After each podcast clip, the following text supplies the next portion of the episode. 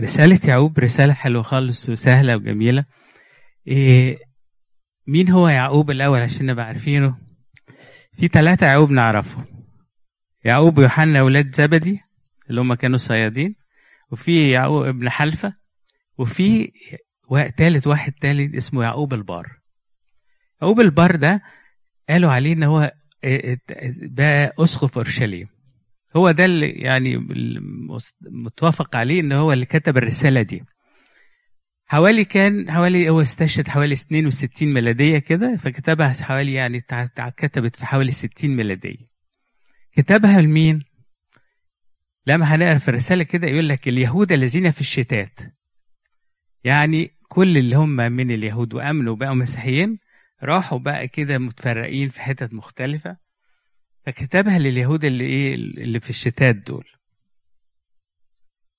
اليهود اللي, اللي امنوا دول بقوا مسيحيين كانوا مضطهدين. يعني فيهم من اليهود طبعا. فكانوا مضطهدين. فالرسالة دي منها إن هو بيشددهم علشان خاطر لأن هم كانوا مضطهدين فعليهم ضيقات والامات وكمان يبدو إن الكنيسة دي أو الناس دول كانوا مش ناضجين روحيا. يعني وهنشوفها من الكلام اللي بيقوله وال وال وال والنصايح اللي بعتها لهم مش ناضجين روحيا. يعني يا دوبك مبتدئين. ليه؟ لأنهم عندهم مشاكل كتير. مش يعني إن هم دول يعني إحنا أحسن منهم. لا يعني إحنا في نفس الحال يعني. فعشان كده الرسالة دي حلوة إنها تعلم هنا. ونختبر نفسنا كده. إحنا فعلا مسيحيين حقيقيين؟ ولا فينا المشاكل دي وإحنا برضو لسه مش ناضجين روحيا في في حياتنا يعني ونتعلم منه.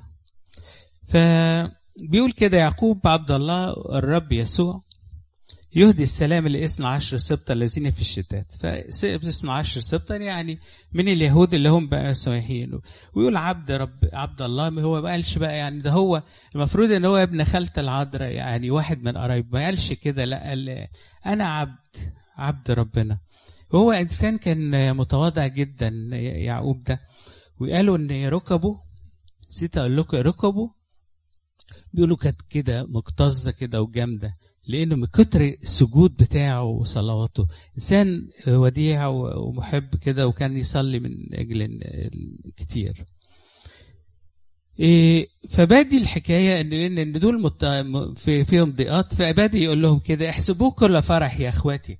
حينما تقعون في تجارب متنوعة عالمين أن امتحان إيمانكم ينشئ صبرا وأما الصبر فليكن له عمل تام لكي تكونوا تامين وكاملين غير ناقصين في شيء. تقعون في تجارب يعني إيه؟ يعني تيجي عليكم تجارب. يعني مش وقع كده في حفره لا يعني الله ربنا بيسمح للإنسان ساعات يمر في تجارب بسماح من ربنا. ليه؟ من أجل إن هو يقويه. من أجل هو يمتحن إيمانه ويزكيه أكتر. ومن أجل إن إحنا قال إيه؟ من أجل إن إحنا نتعلم الصبر. يعني لما الإنسان بيصبر على تجربة اخد كده إن هو يصبر عليها ويشكر ربنا عليها هيتعلم الصبر. طب الصبر ده مهم في إيه في حياتنا؟ في إيه؟ في, الت... في التجربة اللي بعدها. يعني إحنا مثلا مرينا كنا كطلبة مثلا في مذاكرة صح؟ ممكن يعني ممكن صح ما قلناش حاجة. مرينا في مذاكرة هل كان ممكن نخلص من غير ما يبقى عندنا صبر؟ مش ممكن. عايزة الدنيا صبر أي حاجة عايزة صبر. بتخلصي تقري كتاب عايزة تخلصي عايزة صبر. دقيقة عايزة صبر. إيه إيه بت بتربي عيل عايزة صبر عشان تعلميه حاجة. كل حاجة عايزة صبر في الدنيا دي. الرسالة دي بيركز قوي إن إحنا عايزين نتعلم الصبر. منها والتجارب دي اللي بتسمح ربنا بيها لينا نعدي فيها علشان تعلمنا الصبر لأنه حاجة مهمة لينا. ويقول بقى أما الصبر فليكن له عمل تام يعني خلوه يصبر فيكم. ويجيب النتيجه المرجوه اللي ربنا عايزها فيكم. حاجة عايز تتغير فيا. حاجة فضيلة اكتسبها. عايزها تنمو فيا. فربنا بيجيبها لسبب. طب والدقيقة دي مش حلوة يعني. مش حلو صح؟ يعني حد بيحب الدقيقة؟ طيب اما ليه بيقول افرحوا بقى طيب؟ اما ليه يعني؟ ده تناقض في الكلام ولا إيه؟ تناقض ولا هو ولا إيه يعني ضيقة وتزعل وافرح؟ ليه؟ مش عارفين. لا. ها؟ أنا عايش أنا في... طب بس هي متعبة يعني. متعبة طيب. يعني هوهم نفسي ها؟ طيب. آه يعني آه حلو. آه يا ها؟ لأن هتنقيني. لأن آخرتها في حاجة حلوة جاية لي. فأنا ببصص كده للي جاي لي منها. هبقى عارف حاجتين. اولا دي من عند ربنا وسامح بيها فأبقى مطمن. هو بيحبني وعارف وعارف ومش هيديني حاجة. ما تنفعليش. وآخرها في ضروري. لأنه هيكون فيها لها فرد. عشان بيقول كده كاملين وغير ناقصين في شيء. نكمل. فبيقول إيه إحنا بقى يعني أنا يعني صحيح إحنا كده المفروض نعمل كل حاجة بس تلاقي إن الإصحاح الأولاني ده في مقدمات جاية بعد كده في الإصحاحات التانية. فبدل ما أنا يعني أمشي إصحاح بإصحاح والحاجة نرجع لها تاني فأنا جبت برضو الحتة اللي هي ماشية مع دي من الإصحاح اللي بعده وحطيتها هنا. فأنا معلش بقى يعني مثلا هو كمالة الصبر دي جاب اتكلم عليها تاني في الإصحاح الخامس الأخراني يعني. فلو حطينا الإصحاح الخامس آية سبعة هنقول بقى بيقول لهم كده فتأنوا يا الإخوة إلى مجيء الرب. الصبر يعني إيه؟ إن الواحد يتأنى يصبر يطول باله. هوذا الفلاح ينتظر ثمر الأرض السمين متأنين عليه حتى ينال المطر المبكر والمتأخر. فأنتوا يعني هو زي ما قلنا كده دول هم مش ناضجين روحيا. عشان الواحد ينضج روحيا دي مش عايزة صبر. يعني بتاخد وقت علشان الواحد يعني لو الفلاح حط الزرعة في الأرض. بتبص تلاقي بكل شوية يروح يسقيها يبص عليها. متأني صابر. وعمالة تكبر بس صابر. هو كده. علشان إحنا نوصل للنضوج الروحي اللي عايزه منا ربنا برضه لازم نصبر. فبيقول لهم كده تأنوا يا الأخوة إلى مجيء الرب. يعني لحد ما يجي يفضل على طول. ويديهم مثال إن هو هوذا الفلاح ينتظر ثمر الأرض السمين متأنيا عليه حتى ينال المطر المبكر والمطر المتأخر. إيه المطر المبكر والمطر المتأخر بيقول عليه هنا؟ الأول اول ما تحط الزرع البذرة في الزرع عايزة مطره عشان تنبت. مش ضروري مطره كتير بس يا دوبك كده شوية عشان خاطر تبتدي تنعش وتضلع جذور وكده بس بقى ما كبرت بقى عشان تطلع ثمرة عايزة مية كتير بقى تشرب كتير كده. فقال قالوها الفسرية دي قال لك إيه؟ المطر المبكر ده هي المعمودية اللي خدناها. خدنا من روح القدس المطر المبكر ده. ولما عمالين بنكبر بقى روح القدس فيض بقى علينا كتير مطر متأخر كتير غزير علشان خاطر نكبر ونجيب ثمر. فكل ده بيقول لهم ليه؟ بيتكلموا عن الصبر. بيقول فتأنوا أنتم وثبتوا قلوبكم. أيوه هي هي 8 دي. لأن مجيء الرب قد اقترب. برضه يقول لهم استنى. خذوا يا إخوتي مثالا لاحتمال المشقات والاناء الأنبياء الذين تكلموا باسم الرب. عايز يقول لهم إيه؟ بصوا لل... للأنبياء. ليه ما قالش مثلا بص ربنا يسوع في احتماله للألم؟ يمكن ساعات الواحد يقول كده ربنا يسوع ده ده أنا أبص له كده ألاقي نفسي يعني بعيد عنه قوي كتير يعني بعيد عني. لكن طب الأنبياء دول دول طب من العهد القديم. طب اشمعنى يعني انبياء العهد القديم؟ أنبياء العهد القديم ما كان لهمش نعمة كبيرة اللي إحنا واخدينها في العهد الجديد دي. إيه اللي خدناه في العهد الجديد؟ روح القدس. فينا بيعمل فينا. لكن العهد القديم ما كانش عندهم النعمة الكبيرة دي. فبيقول لهم يعني إذا كان آه أنبياء العهد القديم دول يعني ما كانش عندهم ولكن إحنا هنبص لهم ونشوف إزاي إن ربنا إيه إيه عمل معاهم ونتعلم منهم. فجد ادالهم إيه هانوا طوبوا الصابرين وقد سمعت بصبر أيوب ورأيت عاقبة الرب لأن الرب كثير الرحمة ورؤوف. أيوب طبعا معروف بصبره بس يعني التجربة بتاعته كانت تقيلة قوي أنا ما أقدرش عليها دي. بس هو عايز يقول لهم إيه؟ إيه اللي عمله أيوب واتمدح عليه؟ يعني نتعلم منه. عمل إيه؟ صبر. صبر بس يعني صبر إزاي؟ جم مراته تقول له إيه؟ إلعن الرب وموت. وأصحابه قالوا له أنت خاطي. وكل ده صبر واستحمل وما ما ما قالش كلمة وحشة على ربنا ابدا. فاللي نتعلمه اللي بيقول لهم عليه إن هو صبر اتعلموا منه إن هو ما فضل مع ربنا طول الخط. صحيح اتأزم وتعب وكده لكن عمره ما قال حاجة وحشة على ربنا في, في طول وقت وقت المرض بتاعه. فبيقول إذا إن عدينا في تجربة في إيه إحنا نصبر ونعمل زي أبونا نبص أيوب زي ما إيه إن هو عمل اللي هو فضل إيه يعني إيه محتمل التجربة. عايز يقول لهم بقى حاجات كمان. يقول إن كان بيكمل نرجع للإصحاح الأولاني بقى إيه ونط كده بس اللي أنا عايز أرجع. إيه نرجع لها تاني في خمسة. عايز يقول لهم كمان إزاي نحتمل التجربة أكتر. بيقول على إن كان أحد على بينكم مشقات فليصلي. أما سرور أحد فليرتل. أمريض أحد بينكم فليدعو شيوخ الكنيسة فليصلي عليه ودهنوه بزيت باسم الرب. إحنا كل ده عايزين إيه؟ بن بن بن بن بي بيعلمهم إزاي يحتملوا التجربة. يعني بنتعلم من التجربة الصبر والصبر مهم لحياتنا وفي نفس الوقت بيقول لهم إزاي تتعاملوا مع التجربة وقت ما تكون عندكم.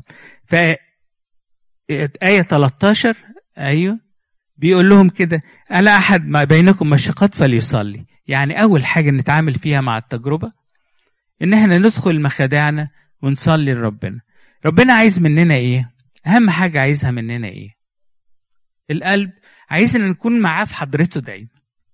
يعني ف إذا إذا جت تجربة يبقى الواحد يروح يقعد معاه ويرمي نفسه عليه ويصلي يصلي لأن هو ده هي دي غاية ربنا. يا ريت أنا فبيقول لك إيه مثلا؟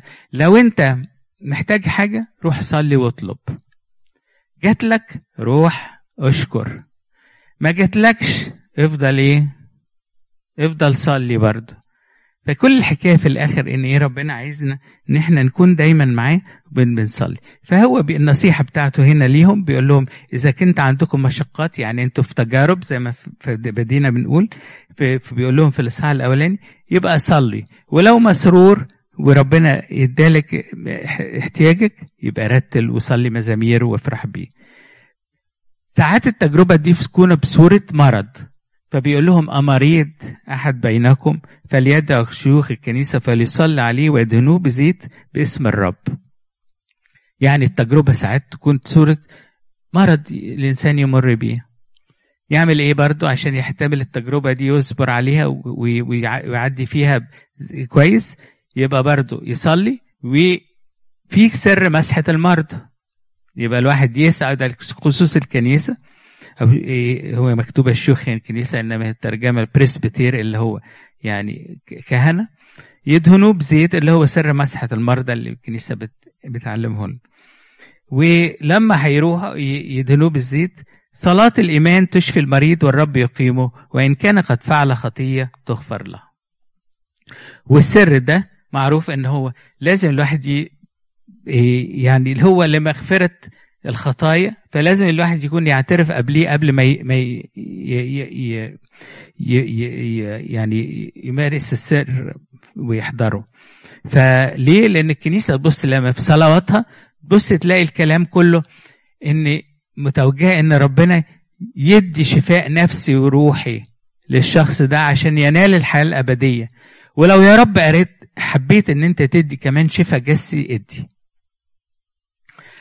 فأدي بكال أدي الواحد يصلي ويدعو كسوس ويصلي صلاة المرضى وصلاة الإيمان تشفي المريض. صلاة الإيمان مش صلاة الكاهن يعني هو الكاهن ده عنده إيمان لا مش مش برضه متوقفة على الشخص نفسه. هو عنده إيمان. وطالب اللي بيحضر دي وعارف إن الصلاة دي ممكن بإيمان ربنا يشفيه. فبرضو يعني إيه لما بنقول في تجربه يقول لك إيه بنطلب من بعض ان هنصلي لأجل بعض صح؟ ليه؟ ليه نصلي أجل بعض؟ برضو تختار كده واحد تقول إيه الإنسان ده قريب من ربنا وحياته مع ربنا مستقيمة أقول له إيه صلي من اجلي كمان. فأكيد ربنا عايز يعني لما يسمع الصلاه إن الشخص ده حياته تبقى معاه زي عشان خاطر يسمع للطلب. مثلا يوم الحد في الإنجيل اللي جاي هيكون عن الأربعة اللي دلوا المريض ووصلوه للمسيح. دول صلوا من أجله. والمسيح قال إيه؟ نظر إلى إيمانهم وشفاه حياتهم كانت فيها إيمان وصلبت وطلبتهم وصلتهم أكنهم وصلوا الشخص ده للمسيح فسمع المسيح وشفاه وأول حاجة قالها له إيه؟ مغفورة لك خطاياك. أهم حاجة زي ما كده صلاة مسحة المرضى بتركز الكنيسة على الشفاء النفسي والروحي. عشان الإنسان يوصل للسماء الأول. إذا ربنا راد يدي الشفاء الجسد يدي. فعشان كده يقول لهم يعترفوا بعضكم لبعض بالزلات. طبعا مش لبعض يعني إنما ضمنيا معروف إن إيه؟ يعني إن الإنسان يعترف على على على الكاهن وصلوا بعضكم لأجل بعض لكي تشفوا طلبة البار تقتدر كثيرا فعلها وده اللي إحنا بنقوله إن لما الإنسان ربنا يكون قلبه مع ربنا ربنا يسمع له في صلاته. بيكمل بقى في خمسة إحنا برضو لسه. كان إيليا إنسانا تحت الألم مثلنا وصلى صلاة فلا تمطر فلم تمطر على الأرض ثلاث سنين وستة أشهر. ثم أيضا صلى أيضا فأعطت السماء مطر وأخرجت الأرض ثمرها إيه برضو ادالهم مثل تاني. برضو من العهد القديم. ليه برضو؟ أصل إيليا ده ما هوش يعني المثل الكبير خالص. لا ده هو إنسان تحت الألم مثلنا برضو وبيضعف وكان له ضعف. فبيقولوا بس صلاته اتسمعت. وقف المطر ثلاثة أشهر ولما صلى تاني رجع المطر تاني. ف... فإذا إحنا نصلي ب... ب... بإيمان و... وربنا بيسمع لنا فكل ده عشان خاطر برضه بيقول لهم إيه؟ التجارب اللي أنتوا هتعرفوا فيها تتعاملوا معاها إزاي؟ تتعاملوا معاها إزاي؟ ايها الاخوه وعايز بقى يخرجهم برضه إحنا هن يعني رغم دي مش حتة دي مش متصلة قوي بال... باللي كنا بنقول لكن هنقولها بعد إنها مكتوبة هنا. ايها الاخوه ان ضل أحد بينكم عن الحق فرده أحد فليعني إن من رد خاطئا عن ضلال طريقه يخلص نفسا من الموت ويستر كثره من الخطايا. عايز شفت واحد كده بعد عن ربنا؟ ما تسيبوش. طب ما هو أنا بنتكلم عليهم دول إن هم ما هماش ناضجين روحيا يعني. إزاي واحد كده مش ناضج روحيا يجيب حد تاني يرجعه؟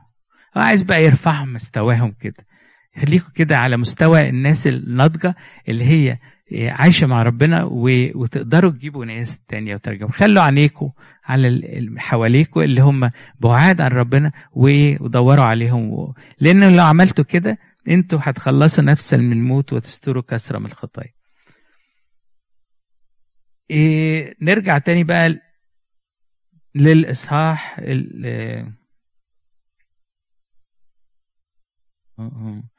هنرجع تاني بالحتة آخر حتة خالص في الأصحاح الأولاني عن التجربة دي نقولها إيه؟ يقول إيه؟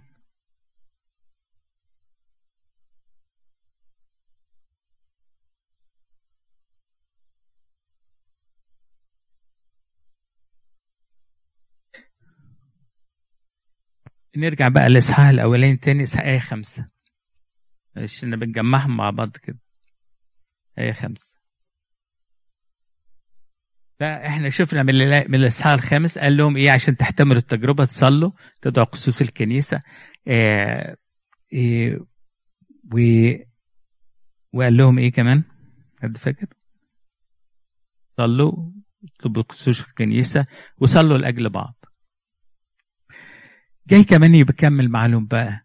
طب يعني مش عارف تعمل إيه؟ اطلب حكمة.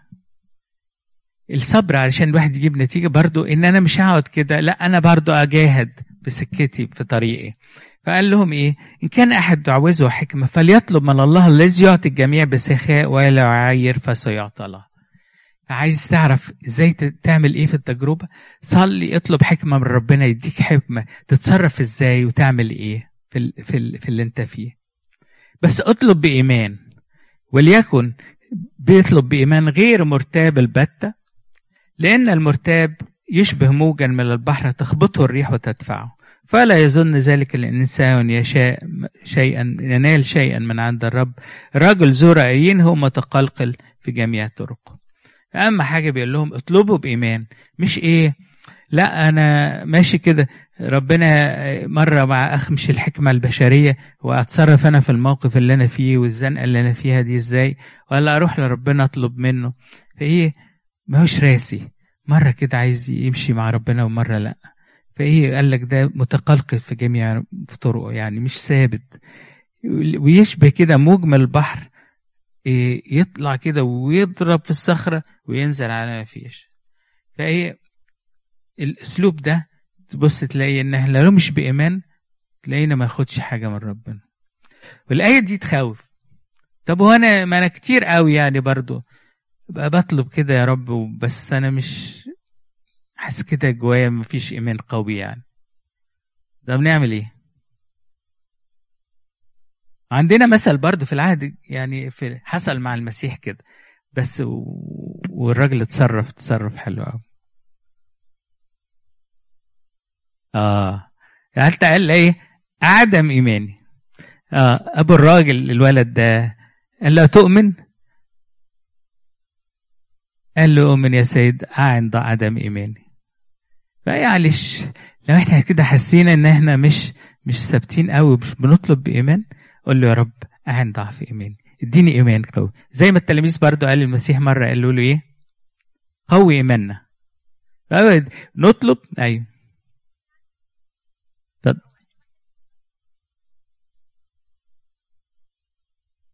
آه.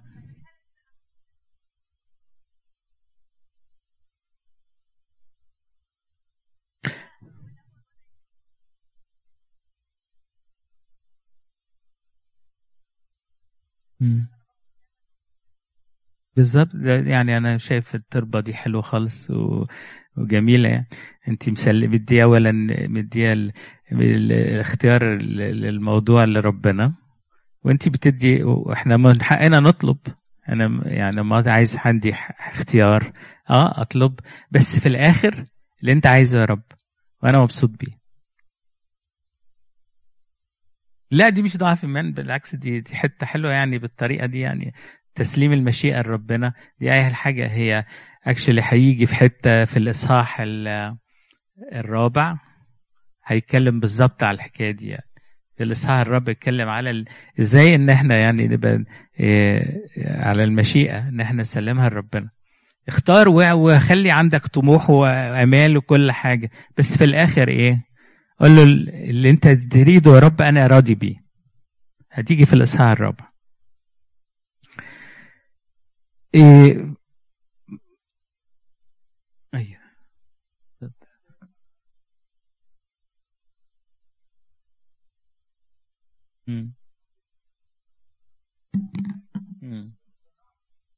آه.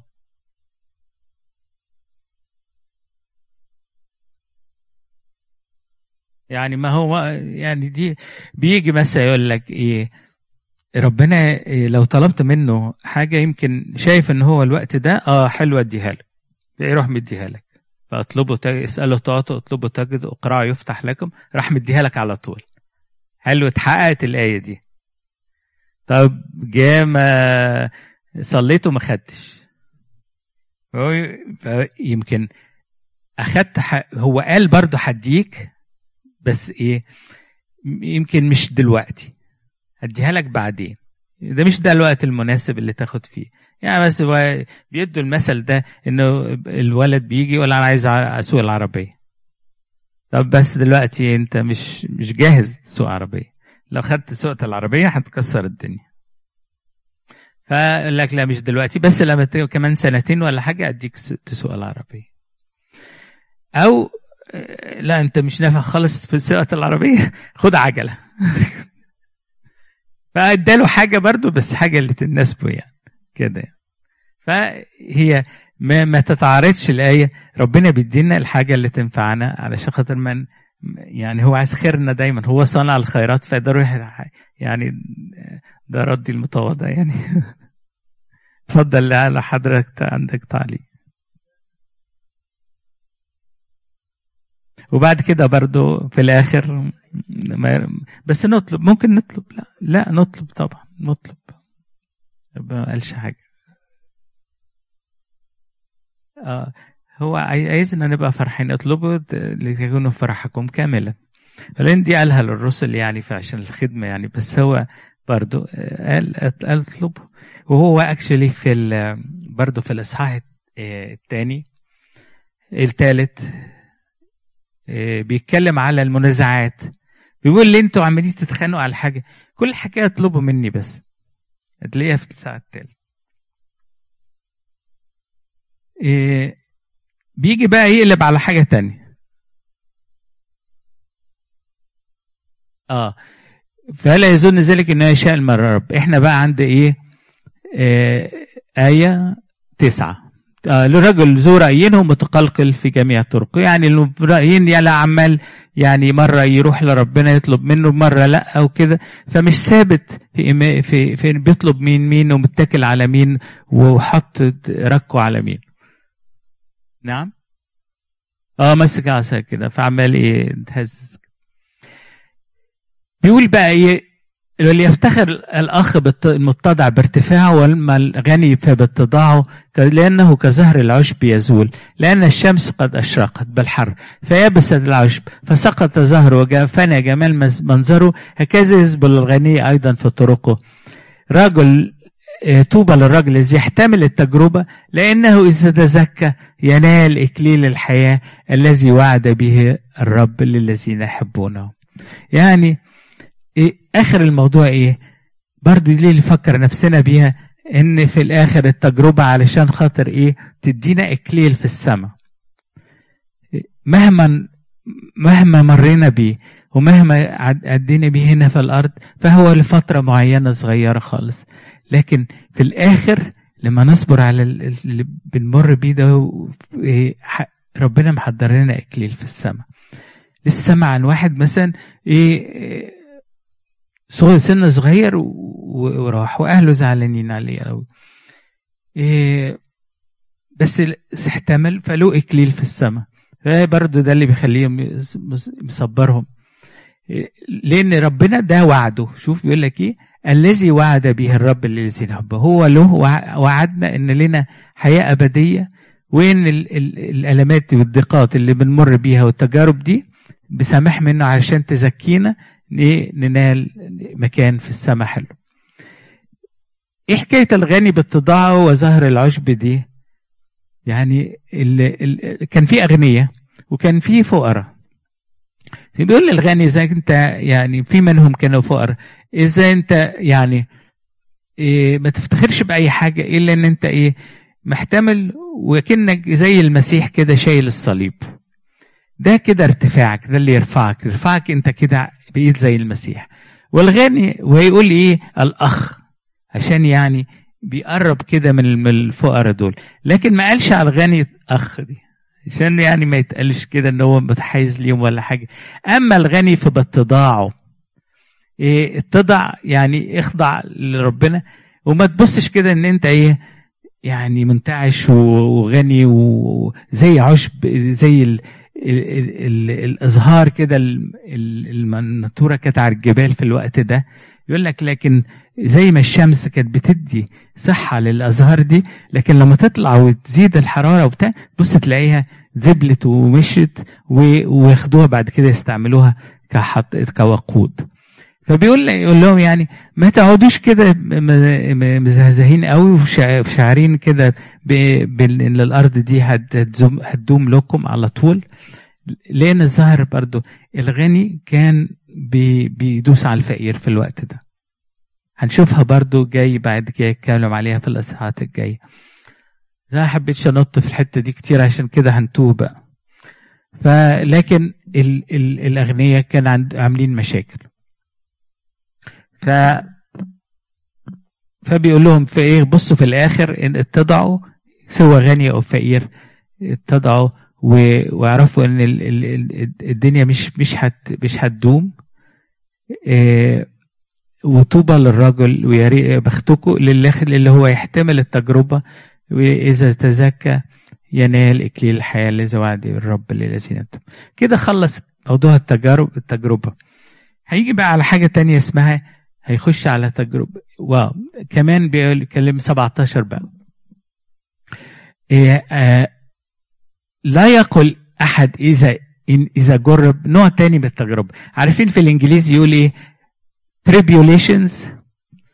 آه إنما لما الواحد يبقى يبقى إيه متعرض لخطية يعني الخطايا اللي هي يعني شر يقع في الخطية فدي اسمها إيه؟ temptations. temptations. إيه الفرق بينهم قال لك لا يقل 13 لا يقل أحد إذا جرب إني أجرب من قبل الله لأن الله غير مجرب بالشرور وهو لا يجرب أحدا. مجرد لا لا يجرب بالشرور يعني هو قدوس. الشرور دي ما ما ممكن ما يحبش الشر. ومش هيخلي واحد ما يحبش حد كمان يقع في الخطية. ف فقال لهم كده واذا أنتوا وقعتوا في الخطية ما تقولوش إن ربنا يعني حط لي حاجة في سكتي كده. ما تلومش ربنا عليها. لا ده دي من المشكلة دي منك انت. إزاي بقى؟ قال له كل واحد يجرب إذا انجذب وانخدع من شهوته. يعني جواه شهوة. الشيطان صحيح بيجي بقى هو عارف مثلا إن أنت إيه بتحب حاجة. فيجي يقول لك إيه آه بص شوف يديك طعم كده. عايز؟ فيقول لك إيه فده الشيطاني لو بقى أنا استسلمت للش... للشهوة دي. وكملت يبقى وقعت في الخطية. ولو كملت الخطية على طول هتوصل لإيه؟ موت. قال لك كده. فقالها الثلاث خطوات. لكل واحد إذا جرب وانجزع انجذب خدع من شهوته ثم الشهوة إذا حبلت ثلاث خطية والخطية إذا كملت تنتج موتا. آدي. شهوة تكمل بقت خطية لأن استسلمت وكملت في الخطية يبقى في الحكاية دي هتوصل إن أنا أموت موت أبدي لا تضل يا أخواتي الأحباء كل عطية صالحة كل موهبة تامة من فوق نازلة من عند أبي الأنوار الذي ليس عنده تغيير ولا ظل الدوران آية معزية جدا ليه؟ ربنا بيتغيرش ما عندوش ظل دوران ما تجيش كده عليه وتظل يفضل يتغير. والنهارده مثلا بيحبني ممكن يطلع بكرة ما يحبنيش. ولا كده؟ لا ده ثابت على طول في محبته ليا. ثابت في في عنايته بيا. ما بيتغيرش.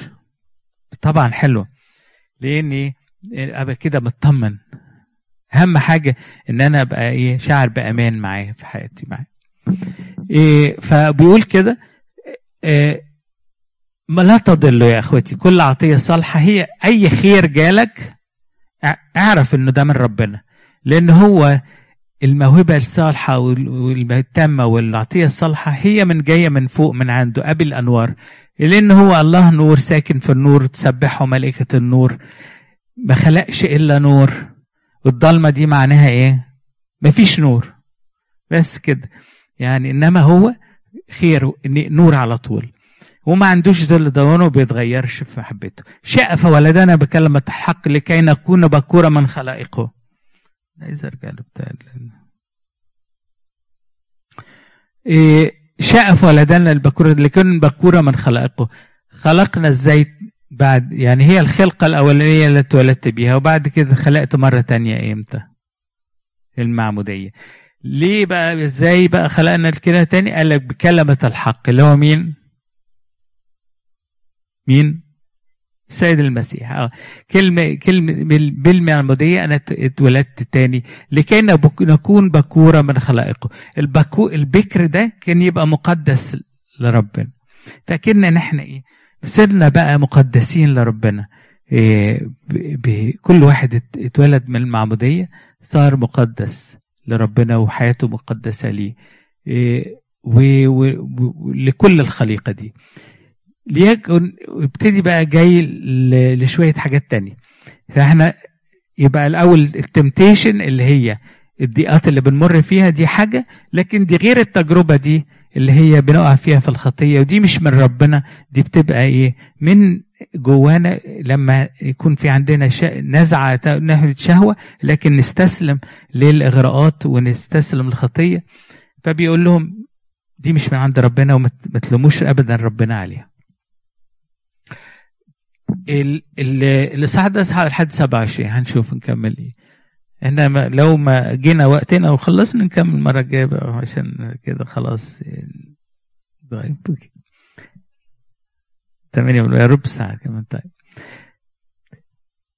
إيه الناس دول لأنهم مش ماتيور برضو فيهم مشاكل. إيه المشاكل اللي عندهم برضو؟ بيقول لهم إيه؟ ليكن كل إنسان مسرعا في الاستماع مبطئا في التكلم مبطئا في الغضب. لأن غضب الإنسان لا يصنع بر الله. نوع من من من ال ال ال ال إن إحنا مش ناضجين روحيا إن لساننا مش مضبوط مش ماسكينه مش قادرين نسيطر عليه. عشان كده جه بعد كده في الإصحاح الثاني وأنا جبتها على طول برضو إن عشان نكمل الكلام ده إن بيتكلم على إزاي إن إحنا لازم نلجم الإصحاح الثالث آية واحد. لازم نضبط إذا كنا هنبقى ناضجين روحيا فعلا لازم يبقى عندنا ضبط للسان. فهات لنا الإصحاح الثالث أي واحد؟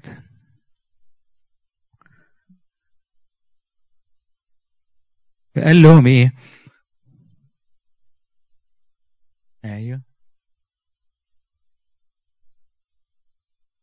فلازم نبقى عندنا ضبط للسان. لا تكونوا معلمين كثيرين يا إخوتي علمين أن نأخذ دينونة اعظم لاننا في أشياء كثيرة نعصر جمالنا إيه إيه غطيانا بتيجي عن طريق اللسان. إنما الإنسان الكامل يكون إمتى؟ لما يكون يقدر يضبط نفسه. كان أحد لا يعصب في كلام فذلك رجل كامل قادر أن يلجم كل الجسد. فلو قدر الإنسان يلجم لسانه وكأنه بيلجمه زي فرسة بتمشي وأنا ماسكها بتروح فين وبتاع يبقى ده هيبقى إنسان كامل. فهو ده بدأ منها إن بيقول إيه, إيه ده اللي كانت المشكلة اللي عندهم فبدأ يتكلم في الإصحاح الثالث ده عن اللسان في الجزء الأولاني منه. فلازم بدأ يديهم مثل. هوذا الخيل نضع اللجم في أفواهها لكي تطوعنا فندير جسمها كله. هوذا السفن أيضا وهي عظيمة بهذا المقدار. تسوقها رياح عاصفة. تديرها دفة صغيرة جدا إلى حيث شاء قدس المدير. فالهواء يمشي المركب بيبتيها في اتجاه. واللجم ده أنت تقدر تخلي الفرس تمشي في أي اتجاه بالظبط بالظبط كده قال لك إيه؟ نفس الحكاية اللسان ده فهو عضو صغير لكن بيوجه الإنسان في السكه يا إما يديله كرامة ويروح حتة كويسة يا إما هيبهدله لأن هو قال حاجات غلط فتلاقي خد تلاقي سمعته راحت و... و... و... ومشي في سكة غلط. هكذا اللسان أيضا. هو وسير يختفر يختفر يفتخر متعظما. يقول كده عمال يقول حاجات عظيمة على نفسه. وهو ونار قليلة أي وهو ذا نار قليلة أي وقود تحرق. الكلمة الحروب قامت بإيه؟ إنه بس اتنين قعدوا يتكلموا بعض وترشقوا بالكلام كده الأول. بعد كده بدأت الحكاية توسع وقامت الحروب. فبدأت الحكاية فقال إيه؟ لو أنت بس جيت في غابة كده وحطيت شعلة صغيرة كده بس على طول الشعله دي هتكبر بتبتدي صغيرة لكن هتوصل تبقى نار عظيمة. فقال لهم إيه هو ذا نار قليلة أي وقود تحرق. فاللسان نار نار عالم الاسم. لو استعملوا الواحد في حاجات وحشة عالم الاسم بيقولوا حاجات وحشة. هذا كذا جعل جعل فأيضا اللسان الذي يدنس الجسم كله ويضرب دائرة تكون ويضرب من جهنم. يعني لو اللسان ده اتحط عليه حاجات من قلب وحش يضرب من جهنم حاجات وحشة هي هيبقى يطلع سم هيبقى زي السم المميت. ويدن يدنس الجسد كله. يعني ما تشوف واحد إنسان مثلا كلامه كلامه بذيء. هتقول ده لسانه وحش ولا هتقول حتى البني آدم ده كله ما هوش حلو. اتنعت كل الإنسان بالصفة دي إن هو إنسان مش كويس. فاللسان بيخلي الواحد يدنس الجسم كله. و وبعدين يقول لهم طب بصوا للحيوانات الوحوش دول. إحنا بنقدر نذللها. أسد مثلا نروده دب نروده كده. لكن نقدر طب نقدر نذلل اللسان ده ونضبطه إنه ما ما يقولش حاجات وحشة؟ مفروض. قال لهم كده المفروض إن إحنا نقدر على كده. أما اللسان فلا يستطيع من أحد من الناس أن يذلله هو شر لا يضبط مملوء ثم مميتا. أحيانا بيوصل كده إن هو ما يبقاش الإنسان متحكم فيه ويبقى زي السم كده إيه كلام وحش يقال الناس تقوله لبعضها وتتعب بعضها بالكلام الوحش. لكن برضه هو ده اللي بي بنبارك بيه ربنا. قال لك هو به نبارك الله وبه نلعن الناس الذين يكونوا على شبه الله. إزاي؟ إزاي ينفع ده أنا أطلع منه نفس اللسان؟ أبارك بيه ربنا وفي نفس الوقت أخرج أقول بيه عليه كلام. بيه كلام وحش. ينفعش. فيقول لهم ده إيه؟ ده أكنك عندك ينبوع مية. منبوع مية. ينفع المية دي تبقى مرة وفي نفس الوقت تبقى حلوة؟ يا ده يا ده يا ده يا ده يا مرة مية حلوة مرة مرة. عشان كده خلوها يا كده يا كده. ولازم تبقى مية حلوة إذا كنتوا فعلا مسيحيين. فأليس ينبوعا ينبع من نفس العين واحد العذب والمر هل تقدر يا إخوتي تينا أن تصنع زيتونا أو كرمة تينا؟ ولا هكذا ينبوع ماء يصنع ماء مالحا وعذبا. يعني التينة هتطلع تين والزيتونة تطلع زيتون. يعني الحاجة الحلوة لازم تطلع حاجة حلوة. فخرجوا من قلبكم حاجات حلوة على لسانكم. وما وما ينفعش إن نبقى ده وده. لا لازم نبقى حتة وحاجة واحدة. اللسان الحلو يبارك ربنا بس وما يطلعش كلام وحش. فده كده خلص موضوع اللسان. وإن حاجة الأساسية في الإنسان المسيحي إن هو يبقى متحكم في في لسانه. وبيقول إيه؟ ما يتكلمش عن الناس ما يتكلمش كلمة بطالة. إيه؟ كده. إيه؟ نكمل. ومن هو حكيم بينكم فليرى فليري أعماله بتصرف الحسب وداعة الحكمة. وإن كان أحد لكم لكم غيره مره وتحزب في قلوبكم فلا تفتخروا وتكذبوا على الحق. آه لا إحنا كده هنرجع للاصحاح الأولاني تاني معلش أنا قلت عشان نجمعه مع بعض. نرجع تاني بقى الاصحاح الأولاني. وقت ما خلصنا عند اللي إيه؟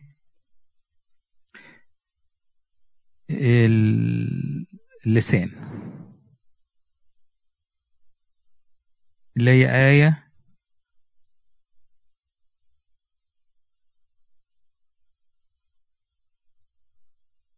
اللي هي ستة وعشرين. واحد وعشرين. واحد وعشرين. الأولاني آخر لحد ما خلص موضوع اللسان. آه. لأن غضب الإنسان لا يصنع بر الله. عشرين. لأن غضب الإنسان لا يصنع بر. فبرضه نوع من عدم الضبط اللسان إن الإنسان بيغضب وفي غضبه بيطلع كلام وحش. قالوا كده لما جيت لو الواحد غضب إيه حكاية. بي بي بيغضب في كتير وجاء أبوه قال له إيه بيقول له أنا بغضب كتير وبتنرفز على الناس. قال له بص روح شايف السور اللي قدامك ده خد المسمار ده مسامير وروح دقها فيه. كل ما تغضب روح دقه مسمار في الحي... في, في السور فخل بعد ما إيه قال له أنا بحاول أجاهد ما ما فقال له أنا دلوقتي ما بحطش مسامير تاني في في الحيطة. قال له طيب روح بقى كل ما يعني إن أنت ت... ما تعملش يعني تتعامل في موقف كويس من غير غضب روح شد المسمار من الحيط من السور. فكل ما شوية كان بيغضب قبل كده يروح شد المسمار لحد ما جاء قال له أنا خلصت كل المسير طلعت. قال له بص على السور بقى الخروم دي راحت ولا موجودة لسه؟ قال له لسه. قال له بص انت كل بغضبك وغضبك ده عملت حاجات أثرت في الناس بكلامك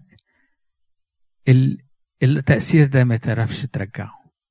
آه انت بطلت صحيح بس التأثير اللي عملته ده فاضل. خد بالك بعد كده ان انت إيه ما, ما فغضب الإنسان يصنع بر الله فلازم ناخد بالنا لأن إيه كلامنا بيطلع بي بي بيترك الأثر في الناس ويعمل اللي عمله من غير ما مش صعب إن إحنا نرجعه تاني. إيه. يا خلاص نعم. آه ممكن. آخر خمس فاضل لنا خمس دقايق. إيه لذلك اطرحوا كل نجاسة وكثرة شر فاقبلوا بوداع الكلمة المغروسة القادرة أن تخلص نفوسكم. فالواحد يبقى يرجع لكلمة ربنا اللي هي بقى تغيرنا هي وكلمة تبقى مغروسة يعني لازم تخش جوه. مش يعني كده على السطح أسمعها كده وبص عليها بس لا لا الكلمة المغروسة جواك تقدر هي اللي تغيرك. لذلك إيه وكونوا عاملين بالكلمة لا سامعين فقط والواحد ياخدها ويحاول ينفذها. وإن كان أحد سامعا للكلم وليس عاملا فذلك يشبه الرجل نظر وجهه المرآة فإنه نظر ذاته ومضى الوقت ونسى ما هو لكن من اتضع على ناموس الكامل ناموس الحرية وصار سامع ليس سامعا ناسيا بل عاملا بالكلم فهذا يكون مغبوطا في عمله. هنا بقى إيه؟ بيقول لك إيه؟ أنت لما تقرأ الكلمة وتحاول تتمعن فيها وتشوف إزاي تنفذها وأنت بتعملها ولا ما بتعملهاش يبقى كده صح. لأن لو ما عملتش بيها بص انك بصيت كده في المراية الصبح لقيت شعرك منك منعكش واسنانك فيها مثلا شوية آه سبينتش ولا بتاع وكده وقعد وبعدين إيه؟ سبتهم وخرجت. وبعدين خرجت كده الناس على ما تبص عليك. إيه المنظر ده؟ كان المفروض إن أنت تغسل سنانك وتنظف نفسك وتخرج كويس. ده هو كده بقى. إن أنا مثلا قريت الكلمة وعرفت إن أنا في حاجة عايز أغيرها لكن ما عملتش حاجة. وهو ده بقى الغلط. قال لك إيه نظر نفسه في مرآة ومضى وما عملش حاجة. لكن من اتبع وسبع ليس سامعا ناسيا بل عاملا بالكلمة فهذا يكون مغبوطا في عمله. كان يحدث انه دين وهو ليس يلجم لسانه بل يخدع قلبه فديانة هذه باطلة حكاية الخداع دي جت في ثلاث آيات.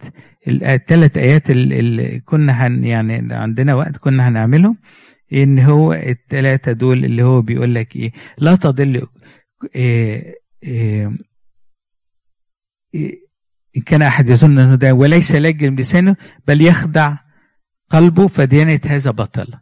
فإذا كنت فاكر أن أنا فعلا يعني متدين وعندي فكرة كده أن أنا كويس وبتاع ببص على لساني أنا بحكمه؟ وعارف أتسيطر عليه وأخلع ما, ما أقولش بيه أي حاجة وحشة ولا لأ. دي أول حاجة. تانية إيه بعمل ولا لأ. لما بسمع بعمل ولا لأ. تالتا قال لك كل خطية صالحة وموهبة تامة لا تضل يا إخواتي. برضو هي الديسبشن دي. كل صالحة وموهبة تامة هي نازلة من فوق من عند أبي الأنوار الذي ليس عنده تغيير ولا ظل دوران. هل أنا بنسب كل حاجة في حياتي فيها خير؟ لربنا ولا أنا فاكر كده إنها يعني بشطارتي جبت فالواحد يفكر في الثلاثة دول يعني اللي هنختم بيه النهاردة إن أنا إيه أنا بشكر ربنا على كل حاجة وعارف إن هي من عنده ولا أنا كده في حاجات إيه ما بشكرش عليها وفاكر إن هي أنا جبتها من عندي وأنا بعمل بالكلمة ولا لأ؟ إيه وكان وبلجم لساني ولا لأ؟ ودول الثلاثه اللي قال فيهم كده إيه إن إحنا ممكن بنخدع نفسنا فيهم إن إحنا يعني إيه، فاكرين الحاجة صح يعني وهي وإحنا لا مش صح. فالتلاتة دول أول حاجة إيه؟ الموهبة التامة هي من عند ربنا. أي خير عندي من عنده. تانية بعمل بالكلمة ولا لأ. التالتة بلجم لساني ولا لأ. فكده نفكر فيهم التلاتة دول. ونطلع بحاجة.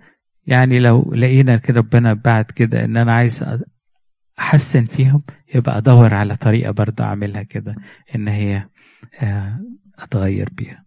اللي إحنا كل مجد وكرم الآن والابد الأسبوع الجاي نكمل آه، عن الحكمة بقى. الحكمة الذين فوق إيه هي؟